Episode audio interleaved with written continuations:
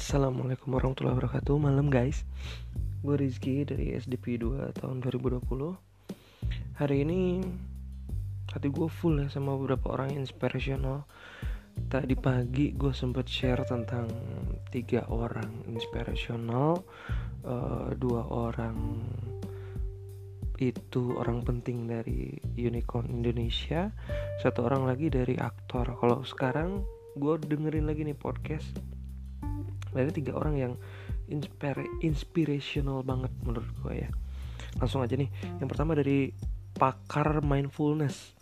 Namanya Mas Aji Santoso Putro. Beliau punya pendapat nih kalau dunia kita sekarang tuh modern banget bro. Saking modernnya akhirnya kita manusia nih eh, bingung. Bikin manusia ini bingung terjebak dalam kompleksitas. Kompleksitas ini yang bikin akhirnya kita tuh jadi bersikap apatis dan agresif seperti yang kita tahu ya, kebanyakan dari kita tuh ngejar karir dan kenyataannya adalah dunia karir saat ini tuh berjalan cepat banget. Saking cepatnya bikin kita jadi impulsif. Jadi kita tuh terlalu reaktif dalam merespon segala sesuatunya. Jadi ada respon langsung kita respon, ada ada uh, stimulus langsung kita respon secara otomatis tanpa ada jeda. Padahal sebenarnya kita punya pilihan buat ngasih respon seperti apa.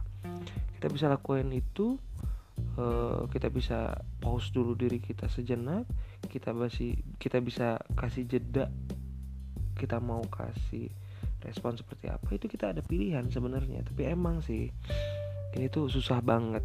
Butuh latihan lama bisa lewat meditasi merenung dan sebagainya latihannya. Intinya ya mindfulness ini bisa bikin kita sadar tentang pikiran kita sendiri.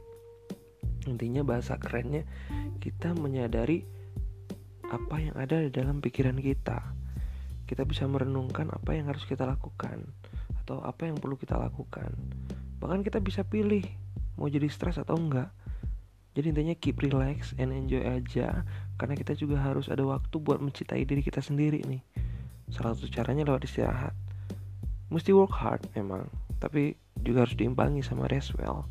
Ingat semua yang kita lakuin permasalahan atau apa pun itu itu adalah berkah anugerah dari Tuhan. Jadi jalanin aja jangan banyak pertimbangan dan stres. Kalau kita stres ya udah. Wassalam bro. Itu yang pertama ya. Terus yang kedua gue dapet insight lagi nih. Dari seorang psikolog keren namanya Mas Alexander Sriwiyono atau Wijono ya? Sriwiyono mungkin ya. Jadi beliau ini cerita gimana kita bisa jadi individu yang uh, outliers artinya tuh kurang lebih kayak individu yang hebat banget. Berada di titik ekstrim di tingkat rata di atas rata-rata sukses banget lah intinya. Jadi beliau ngajarin bahwa ada tiga tipe manusia yaitu manusia tipe 0 minus 1 dan plus 1 nah kalau tipe 0 nih uh, ngerjain sesuatu tuntas beres. Cuman ya biasa aja gitu. Jadi orang uh, ada atau nggak ada dia ad, ada ada atau nggak ada dia tuh uh, berasa cuma berasa dikit banget gitu. Karena dia ngerjain sesuatu tuntas cuman nggak nggak apa ya nggak berkesan gitu. Nah ada lagi tipe manusia yang kedua yaitu minus satu. Minus satu ini terkenal karena uh, minusnya lah karena jeleknya.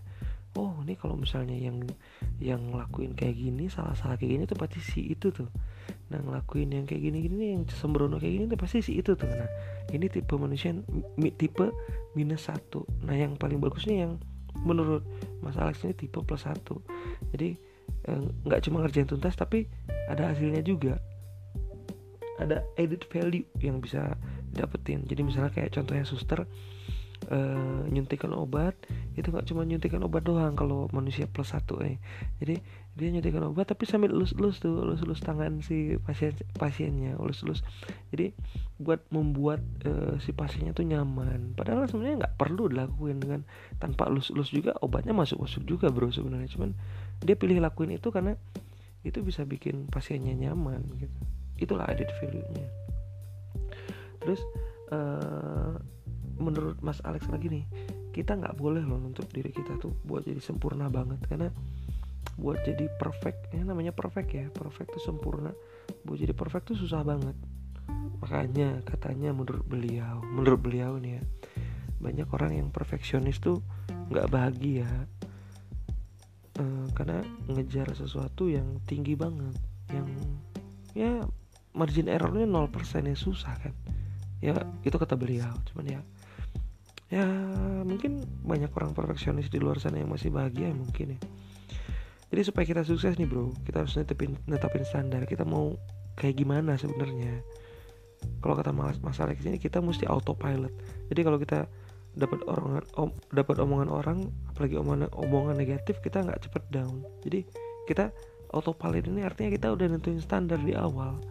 Kita mesti ngapain? Kita ibaratnya mau nentuin bahwa kita bakal menuju ke titik A dengan cara seperti ini ya itulah standarnya itu autopilotnya. Jadi kalau misalnya ada orang datang tiba-tiba ngomongnya negatif ngasih masukan negatif itu ya bisa jadi masukan sekedar masukan sekedar omongan yang jadi bahan pertimbangan kita. Tapi sebenarnya kita udah punya pegangan hidup duluan jadi nggak mudah tergoyahkan. Jadi dalam ngejar sesuatu hal ini titik A itu kita jangan sampai goyah gitu. Tapi jangan sampai loh ya kalau misalnya kita ngejar apa yang kita mau kita lari terus-terusan kenceng tanpa berhenti. Karena satu saat kita tuh mesti berhenti kita mesti istirahat kita mesti merenung kita mesti ngeliat uh, apa sih yang udah berjalan selama ini tuh. Kita mesti renungin hidup kita harus sampai sejauh apa kita berjalan. Ada nggak yang harus kita perbaikin sebelum kita balik lagi lari dengan kenceng? Renungan ini sebenarnya bisa kita konklusiin kita kelompokin dalam beberapa pertanyaan simpel ya. Yang pertama what do you really want to do? Jadi what matters most? Jadi kita tahu sebenarnya kita tuh ngelakuin apa sih? Sebenarnya kita tuh mau apa sih sebenarnya? Yang benar-benar penting dalam eh, hidup kita tuh yang mau kita lakuin tuh apa? Penting nggak? Gitu ibaratnya. Yang kedua how am I spending my time jadi bukan masalah berapa lama dan apa. Tapi kita dari itu create something yang meaningful nggak? Dan progress for ourselves nggak? Itu inti pertanyaan yang kedua ini. Yang ketiga does my day reflect how I truly am? Jadi tindakan kita di hari ini tuh mencerminkan diri kita yang sebenarnya gak sih? Jadi misalnya lu tiba-tiba marah-marah tiba-tiba kesel tiba-tiba bad mood itu tuh sebenarnya mencerminkan diri lu gak sih? Kalau misalnya lu ngerasa bahwa diri lu lebih baik dari itu ya. Berarti lu mesti perbaiki diri lu men. Lu mesti perbaiki oh gue nggak nggak bisa nggak bisa terus-terusan kayak gini nih marah-marah. Kalau misalnya gue sebenarnya potret gue membayangkan diri gue sendiri adalah orang yang orang yang baik orang yang kalem nggak mungkin kan kita marah-marah. Intinya seperti itulah. Terus dalam hidup kita nih jangan sampai kita jangan sampai kita lupa ada beberapa hal yang toxic banget harus banget kita buang jauh-jauh. Jadi the very first toxic is expectation man ternyata. Kaget kan? Ternyata expectation tuh bisa jadi racun dalam uh, tujuan kita mencapai uh, dalam perjalanan kita mencapai tujuan. Itu bisa jadi toxic. Karena kalau kita terlalu expectation yang tinggi terlalu expect yang tinggi itu malah ngejegal kita kalau jatuh kalau kita jatuh tuh benar-benar yang kayak sakit banget karena expectation kita tuh sampai titik 100 tapi kita ternyata sampai titik 49 kita ada suatu hal yang bikin kita nggak bisa lanjut. Nah itu tuh ngejegal dan bisa bikin down banget men pasti. Terus second talk, talk second toxicnya itu assumption.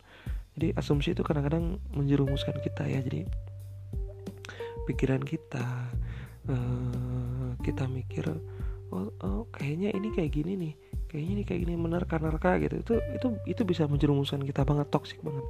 Terus yang ketiga toxic itu attachment. Jadi kemelekat kemelekatan. Jadi tergantung sama orang lain. Contohnya simpelnya nih si temen dekat lu resign dari perusahaan lu bekerja sekarang terus lu ikutan resign. Iya nggak kenapa-napa sih. Cuma apa-apaan gitu. Nyata naon ngenanaunan gitu ibaratnya. Kalau bahasa Sundanya nah terlepas dari racun tersebut tuh akhirnya kita bisa uh, pada akhirnya tuh kita harus bisa mengukur diri udah sampai mana kita progres hari ini. Karena kemenangan itu sebenarnya bukan langsung kita just lompat langsung ke tujuan akhir naik podium tapi mesti ada proses. Mesti ada introspeksi diri harian yang kita lakuin. Harian loh ya. Jadi salah satu contohnya menurut Mas Alex ini adalah kita harus uh, pakai tanda baca. Ibaratnya kalau misalnya kita udah selesai ngerasa selesai melakukan suatu hal di di hari itu kita anggap titik. Tapi kalau misalnya ada sesuatu hal yang belum tuntas kita kerjain hari itu itu kita anggap koma. Jadi besok itu mesti kita lanjutin lagi bro. Nah kalau misalnya ada hari di mana kita hari ini gue ngapain sih? Kok kayaknya nggak penting banget. Nah, itu tanda tanya. Dan yang paling bahaya tuh kalau misalnya ternyata yang kita lakuin nggak harus kita lakuin nah itu tanda seru artinya. Kita udah mesti jaga-jaga. Jadi supaya hidup kita tuh punya nambang dan makna kita tuh harus bisa capai titik optimal dalam keberimbangan. Itu menurut Mas Alex ini. Contohnya kalau kita keren orang lain juga harus ikutan keren. Kalau kita sukses tapi di balik sukses itu kita tubuh kita sehat nggak? Nah kalau kita sukses keluarga kita bahagia nggak? Nah itulah maksudnya keberimbangan jadi begitu menurut uh, Mas Alex ini yang bisa gue sampaikan ke kalian. Nah yang ketiga nih perempuan. Perempuan yang keren banget oke okay banget. Dia ini beliau ini uh, seseorang yang ada di balik PT MRT Mbak Sylvia. Jadi ceritanya sih beliau ini waktu kecil nggak punya sebenarnya passion buat masuk ke dunia yang sekarang dia geluti ini. Nah buat informasi dunia yang beliau gelutan gelut, geluti ini sesuai dengan uh, perusahaan yang gue sebutin tadi PT MRT itu berhubungan sama konstruksi. Uh, terutama khususnya konstruksi di uh, public transportation ya. Jadi beliau waktu kecil ini uh, cita-citanya kayak ya anak pada umumnya gitu pengen jadi dokter pengen ya kalau kayak kita dulu pengen jadi dokter polisi ya mungkin uh, uh, dan lain-lain lah banyak. Nah beliau juga seperti itu cuman uh, seiring berjalannya waktu beliau SMA masuk IPA ketertarikan itu muncul. Ketika kemudian beliau uh, ternyata ada kesempatan buat sekolah di luar negeri. Nah ternyata jurusan yang dipilih itu salah satunya adalah jurusan yang ada jadi pilihan ternyata adalah jurusan konstruksi. Jadi akhirnya singkat singkat cerita beliau masuk ke situ. Dan di situ beliau kerja keras uh, bersaing dengan orang-orang yang mungkin jauh lebih pinter terutama yang teman-teman kita dari China sana yang uh, willnya itu lebih lebih lebih kenceng banget dibanding dibanding orang Indonesia seperti kita ini. Tapi beliau gak mau kalah karena menurut beliau itu kalau kita nggak kerja kelas kita bakal ketinggalan men. Nah kita. Jadi lulus dari sini lulus dari uh, universitas ini beliau bingung tuh mau ngambil apa. Dan akhirnya beliau ada kesempatan buat kerja di LTE aku lupa kepanjangannya apa. Intinya uh, perusahaan konstruksi di bidang public transportation. Jadi nggak ada pilihan lain waktu itu. Jadi dari situlah beliau berkembang mindset bahwa peluang yang ada itu harus mesti diambil. Kalau bahasa keren beliau ini whatever opportunity you have embrace it. Jadi peluang itu kita ambil karena kita nggak tahu peluang itu bisa kita uh, bisa bawa kita ke mana sih.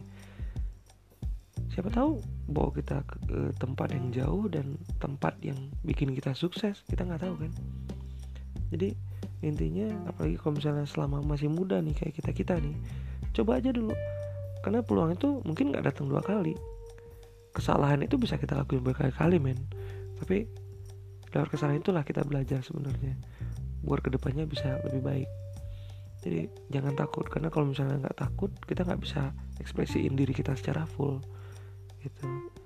Jadi Bu Sylvia ini Mbak Sylvia ini benar-benar ngajarin kita bahwa walaupun beliau perempuan ya tapi uh, di balik stereotip orang-orang di luar sana bahwa perempuan nggak bisa kerja di dunia konstruksi tapi dia kerja di situ men dan jadi pemimpin jadi pimpinan sekarang. Uh, pangkatnya tinggi dan beliau cerita banyak uh, bawahan-bawahannya yang timnya itu yang lebih tua dari beliau. Jadi nggak ada yang nggak mungkin.